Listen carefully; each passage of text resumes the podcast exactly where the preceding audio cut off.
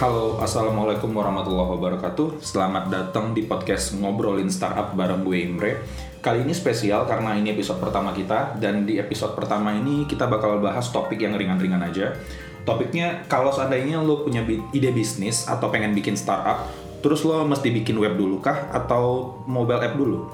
Penasaran jawabannya? Kali ini kita bakal bahas dari beberapa sudut pandang Jadi jangan ke mana-mana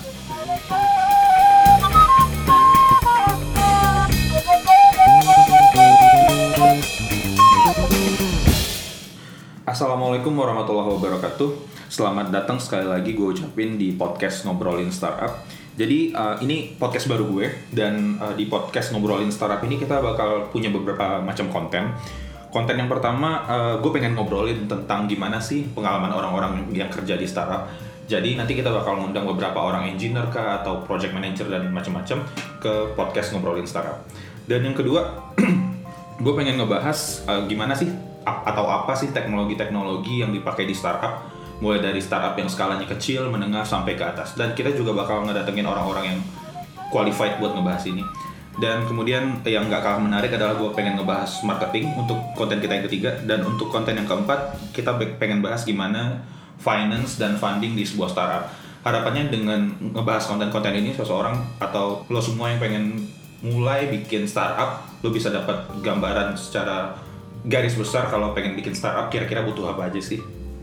Oke, okay, jadi hari ini kita bakal bahas tentang teknologi yang dipakai di startup. Jadi setelah gue voting di Twitter beberapa waktu yang lalu, akhirnya terpilihlah topik ini. Jadi kayaknya orang-orang pengen banget ya dengerin topik tentang teknologi yang dipakai di startup. Jadi karena topik kita ini kebetulan karena ini episode pertama, jadi gue pengen bahas yang ringan-ringan aja. Jadi idenya adalah kalau seandainya lo punya ide bisnis atau lo pengen bikin startup, Terus uh, lo mesti mulai dari mobile app dulu kah atau website dulu? Nah, terus kenapa sih gue pengen bahas ini? Sebenarnya ada beberapa latar belakang. Kita bakal mulai dari latar belakang yang pertama. Gue pernah ngobrol sama beberapa orang, mereka punya ide startup atau ide bisnis dan kemudian tiba-tiba mereka pengen bikin mobile apps. Uh, terus ada juga orang yang berpikiran bahwa apa pun modal bisnisnya supaya kita bisa menggait milenial atau menarik perhatian milenial kita harus go mobile. Jadi ketika punya ide langsung bikin mobile app-nya. Menurut lo itu benar nggak sih? Kita bakal bahas nanti.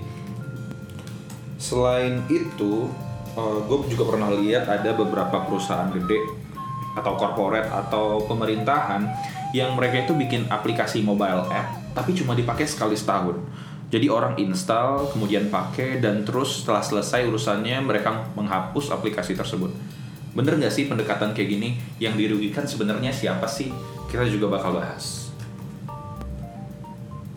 Terkait latar belakang tadi yang udah gue bahas, gue pengen menjawab pertanyaan-pertanyaan tadi dengan menggunakan dua studi kasus. Studi kasus yang pertama adalah perusahaan transportasi online yang cukup terkemuka di Indonesia, Gojek, dan studi kasus yang kedua adalah kita pengen bahas dari perusahaan seperti Traveloka, Bukalapak, Tokopedia. Kenapa sih gue pengen bahas ini? Karena kalau kita balik ke beberapa tahun, mungkin 7 tahun, 8 tahun ke belakang, ketika Gojek baru booming, mereka langsung ada mobile app. Mereka nggak punya platform seperti uh, website atau desktop app yang bisa dipakai untuk pesan Gojek Nah, sementara itu kebalikannya di Traveloka, Bukalapak dan Tokopedia, mereka nggak memulai semua bisnis mereka dengan mobile app, tapi mereka mulai dengan website uh, desktop website, kemudian mobile web dan segala macam. Jadi ini dua komparasi yang menurut gue menarik, jadi kita bakal bahas. Nah, studi kasus yang pertama kita bakal bahas dulu Traveloka, Bukalapak dan Tokopedia. Kenapa sih pada awalnya mereka cuma punya mobile web atau desktop web? Jawabannya sederhana karena mereka ingin validasi ide bisnis mereka dulu. Beberapa tahun kebelakangan ketika semuanya masih rata-rata serba offline, lo harus beli tiket ke travel agent konvensional atau ketika lo pengen beli elektronik lo harus ke Glodok. Orang nggak peka dengan namanya teknologi online atau e-commerce dan segala macam. Jadi itu bukan hal yang udah lazim di negara kita. Jadi pe mereka pengen tahu dulu apakah ketika mereka bikin platform ini ada orang-orang yang pengen make, apakah ada transaksinya dan ada uangnya. Setelah bisnisnya ada, setelah mereka cukup yakin kalau oh ternyata marketnya ada nih orang-orang yang pengen beli tiket online, beli pesan hotel online atau belanja elektronik online, dan mereka merasa mereka udah cukup, punya cukup modal barulah kemudian mereka pindah ke bisnis mobile app Nah, kenapa sih kalau ditanya kenapa mereka nggak mencoba bisnis uh, dengan menggunakan mobile app sejak awal? Karena yang pertama, investasi pengembangan aplikasi mobile itu lebih mahal ketimbang lo mendevelop website. Nah, kenapa sih bisa mahal? Karena mobile developer salarinya rata-rata lebih tinggi daripada web developer pada saat itu. Karena job mereka lagi hot, nggak semua orang bisa uh, bikin mobile app Android, iOS, apalagi iOS karena developer iOS pada saat itu langka banget dan wajar aja kalau salarynya lumayan gede dan costnya untuk mengembangkan aplikasi juga jauh lebih gede. Nah, karena ini mobile app, jadi mobile app juga butuh desain. Dari perspektif desainer pun, desain yang digunakan untuk Android dan iOS bisa jadi berbeda, sedikit berbeda atau banyak berbeda. Itu tergantung. Nah, untuk maintain dua macam desain ini si desainer pun juga punya juga harus bekerja lebih keras. Akibatnya biaya yang dikeluarkan untuk membayar desainer juga bisa lebih besar. Alasan yang kedua kenapa nggak mobile duluan? Karena user acquisition costnya lebih mahal. Coba lu bayangkan ketika Gojek booming berapa sih secara kasar berapa sih user acquisition cost yang dikeluarkan Gojek untuk menarik satu orang untuk menginstal aplikasinya? Kalau menurut hitung-hitungan gue adalah 100 ribu. Sederhana karena pada saat itu misalnya gue udah punya aplikasi Gojek terus gue kasih kode referral ke orang. Ketika gue kasih kode referral orang install dan orang pakai mereka bakal dapat 50 ribu. Dan gue bakal dapat 50 ribu. Jadi saat untuk mengakuisisi satu user Gojek harus mengeluarkan 100 ribu. Bayangkan kalau Gojek pengen mengakuisisi 1 juta. Lu bayangin uang yang dikeluarin adalah 100 miliar. Bener gak sih hitung-hitungan gue? Ya kira-kira segitu. Jadi itu gede banget. User acquisition costnya gede banget nah kalau terus kalau lu udah ngeluarin cost 100 ribu per user dan orang nggak suka sama aplikasi lo terus gimana ya udah orang gampang orang tinggal uninstall terus kemudian ya udah lu hilang 100 ribu uh, sementara mereka nggak melakukan transaksi yang memberikan lo manfaat secara finansial jadi lo rugi jadi itu sih kenapa alasan nggak mobile duluan. Nah terus kalau web gimana? Jawabannya adalah web simple banget. Kalau seandainya lu punya aplikasi dalam bentuk web, orang tinggal buka laptop atau buka HP, pakai browser, orang nggak perlu install apa-apa.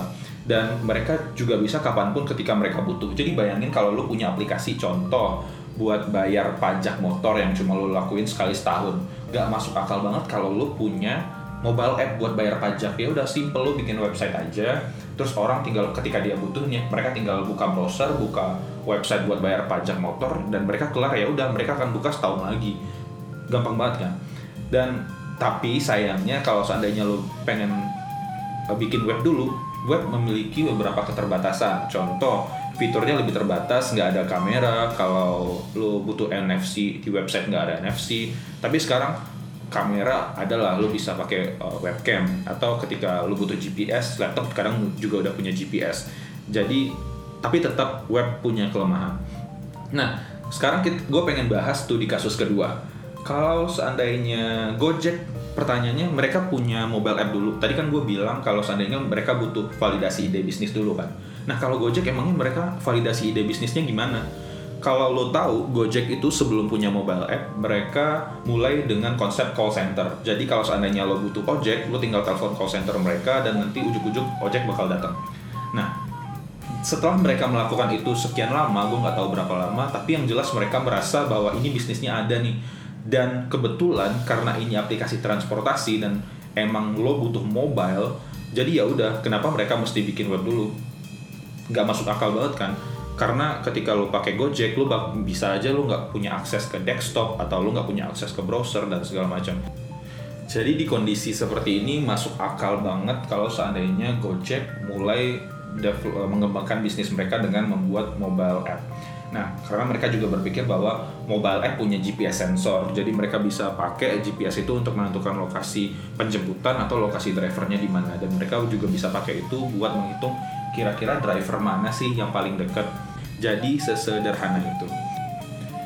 Oke, jadi dari beberapa bahasan kita sebelumnya tadi, kalau kita ambil kesimpulan, ada tiga hal yang harus kita perhatiin banget atau kita pikirin lagi ketika kita pengen memulai bikin sebuah startup atau mengeksekusi ide bisnis.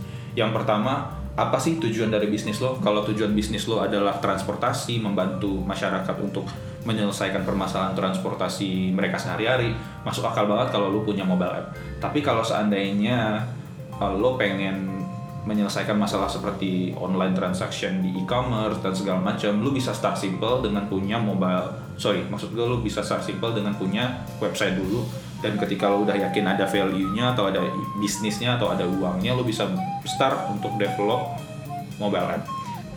Dan yang kedua adalah siapa sih target audience lo? Kalau target audience lo itu milenial yang kira-kira mereka punya HP nih, ya udah lo bisa start dengan bikin mobile app dulu tapi balik lagi ke tujuan dari bisnis lo kalau tujuan bisnis lo tadi emang untuk transportasi ya udah nggak masalah kalau lo bikin mobile app dulu dan yang ketiga adalah berapa banyak uang yang pengen lo investasikan untuk pengembangan aplikasi kalau seandainya uh, lu pakai modal sendiri atau uh, dana yang diberikan oleh angel investor nggak gede-gede amat saran gue adalah start simple dengan bikin website dulu untuk uh, memverifikasi apakah ide lu punya business value atau enggak kalau seandainya ada, oke okay, mungkin nanti lo bisa start untuk develop mobile app setelah lo bisa nge-generate banyak duit.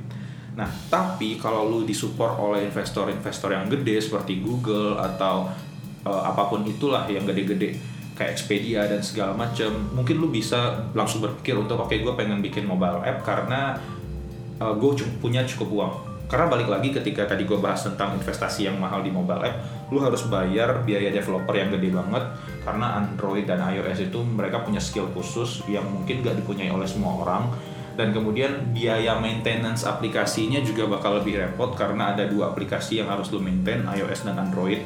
Dan untuk lo tahu ketika lu submit aplikasi ke App Store lo juga harus bayar kira-kira biaya sekitar 90-an dolar setiap tahunnya. Dan itu juga another cost yang harus lo keluarin. Dan terus ketika lu punya mobile app balik lagi kalau lu bangkrut yang rugi siapa? User acquisition costnya gede terus ketika orang nggak suka mereka tinggal hapus. Jadi seperti itu. Nah kesimpulannya adalah gue punya dua kesimpulan. Kalau lo udah yakin kalau produk lo bisa ngegenerate revenue dan bisnisnya jalan lo bisa bikin uh, lo bisa start berpikir untuk bikin mobile app. Karena uh, menurut gue adalah ketika lo punya mobile app bisnis lo bisa ditunjang oleh traffic-traffic yang datang dari mobile app. Nah kalau belum yakin, jawabannya adalah buktiin dulu apakah bisnis lo ini ada uangnya dan ke, dan kemudian ya udah bikin website dulu aja. Kalau seandainya ada uangnya nanti baru berpikir untuk mengembangkan mobile app. Nah jadi dari gue itu aja harapannya setelah ini lo bisa punya pencerahan uh, kalau lo punya ide kira-kira lo harus bikin apa dulu sih mobile app dulu atau web dulu. Nggak ada bener nggak ada salah sebenarnya tapi ada beberapa hal yang harus lo pertimbangkan seperti cost dan macam-macam. Itu aja semoga bermanfaat gue akan mencoba bikin podcast ini rutin paling nggak sekali dua minggu. Jadi tiap bulan kita bakal punya dua episode. Dan mudah-mudahan di episode berikutnya kita bisa mendatangkan uh, guest yang keren-keren dari berbagai macam perusahaan. Dan kalau seandainya lo punya ide pengen bahas apa atau lo punya ide pengen datengin speaker dari mana atau orangnya siapa lu tinggal uh, mention gue di Twitter Twitter gue @imbrenagi dan gue cukup aktif di sana tapi gue juga punya Instagram dan gue udah gak aktif lagi di Instagram. Gue punya Facebook tapi nggak usah pakai Facebook Twitter aja mention @imbrenagi dan kasih tahu apa saran lo masukan dan lo pengen dengerin apa Oh iya, jangan lupa juga follow uh, podcast gue di Anchor FM dan Spotify supaya ketika ada episode baru lu bakal tetap ke update dari gue itu aja terima kasih. Assalamualaikum warahmatullahi wabarakatuh